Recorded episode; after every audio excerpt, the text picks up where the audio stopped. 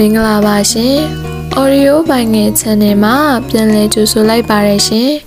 ဒီနေ့ငယ်ဖတ်ပြပေးမယ့်ဆောင်းပါးလေးကတော့သင်္ခဏကိုယ်တွင်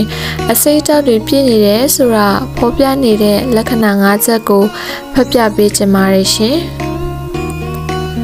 အစိတ်တောက်တွေဟာကျွန်တော်တို့ပတ်ဝန်းကျင်ရဲ့နေရာတိုင်းမှာရှိနေပြီးရှူရှဲလိုက်တဲ့လေတောက်တဲ့ရည်တွေနဲ့အစားအစာတွေမှာပါဝင်လို့နေပါတယ်။တ င်းရဲ့စမတ်ဖုန်းတွေမှာတောင်တင့်ကိုပြင်းထန်အောင်ဖျားစေနိုင်တဲ့ဘက်တီးရီးယားပိုးများစွာ ရှိလို့နေတာပါ။နေ့စဉ်အစိတ်တောက်တွေကတင်းရဲ့ခန္ဓာကိုယ်မှာစုပုံလာပြီးဒီတက်လို့ဖို့လိုအပ်နေပြီဆိုတာကိုဒီလက္ခဏာရက်တွေကဖော်ပြလို့နေပါတယ်။နံပါတ်1ဝမ်းချုပ်ခြင်း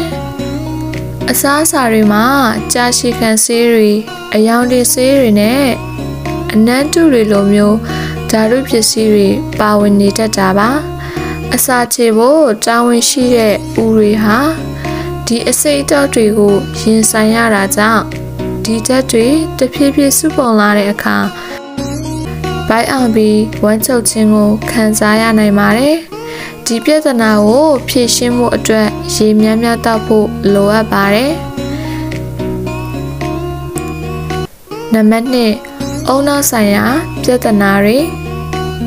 မူးဝေခြင်းနဲ့အေးရေးဝဝအိတ်ဆက်ထားပေမဲ့စိတ်ရှုပ်ထွေးခြင်း အာယုံမဆိုင်နိုင်ခြင်းစတာတွေကခန္ဓာကိုယ်က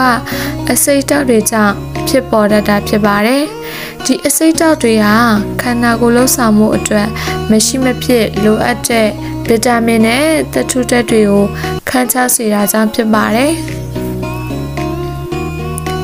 နံပါတ်3အနန္တဆိုတွေထွက်စေတယ်။ ရေချိုးပြီးကနာကြတာနဲ့အနန္တဆိုတွေထွက်လာတာမျိုးကသင်္ခန္ဓာကိုယ်မှာအစိတ်တောက်တွေတအားကိုများနေတဲ့အတွက်ကြောင့်ဖြစ်ပါတယ်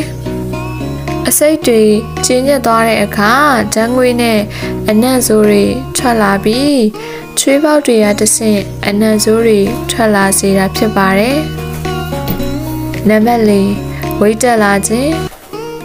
ကိုယ်လက်လှူရှားမှုတွေလုပ်နေပေမဲ့ဝိတ်တွေသာ ပိုတက်လာနေတယ်ဆိုရင်တော့သင်္ခန္ဓာကိုယ်ရဲ့ဟော်မုန်းစနစ်တစ်ခုခုမှားယွင်းနေတာကြောင့်ဖြစ်နိုင်ပါတယ်။အစိတ်တောက်တွေဟာကိုယ်အလေးချိန်ထိရင်လှုပ်ဆောင်တဲ့ဟော်မုန်းအပါအဝင်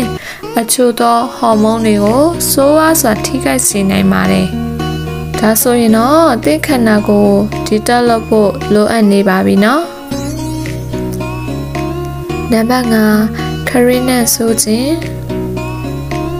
ရင်းနဲ့ဆိုခြင်းဟာများသောအားဖြင့်အစာကြေလမ်းကြောင်းဆိုင်ရာပြဿနာတွေရဲ့လက္ခဏာတစ်ခုဖြစ်ပါတယ်။တင်စားသမျှအစာချေဖြစ်ရင်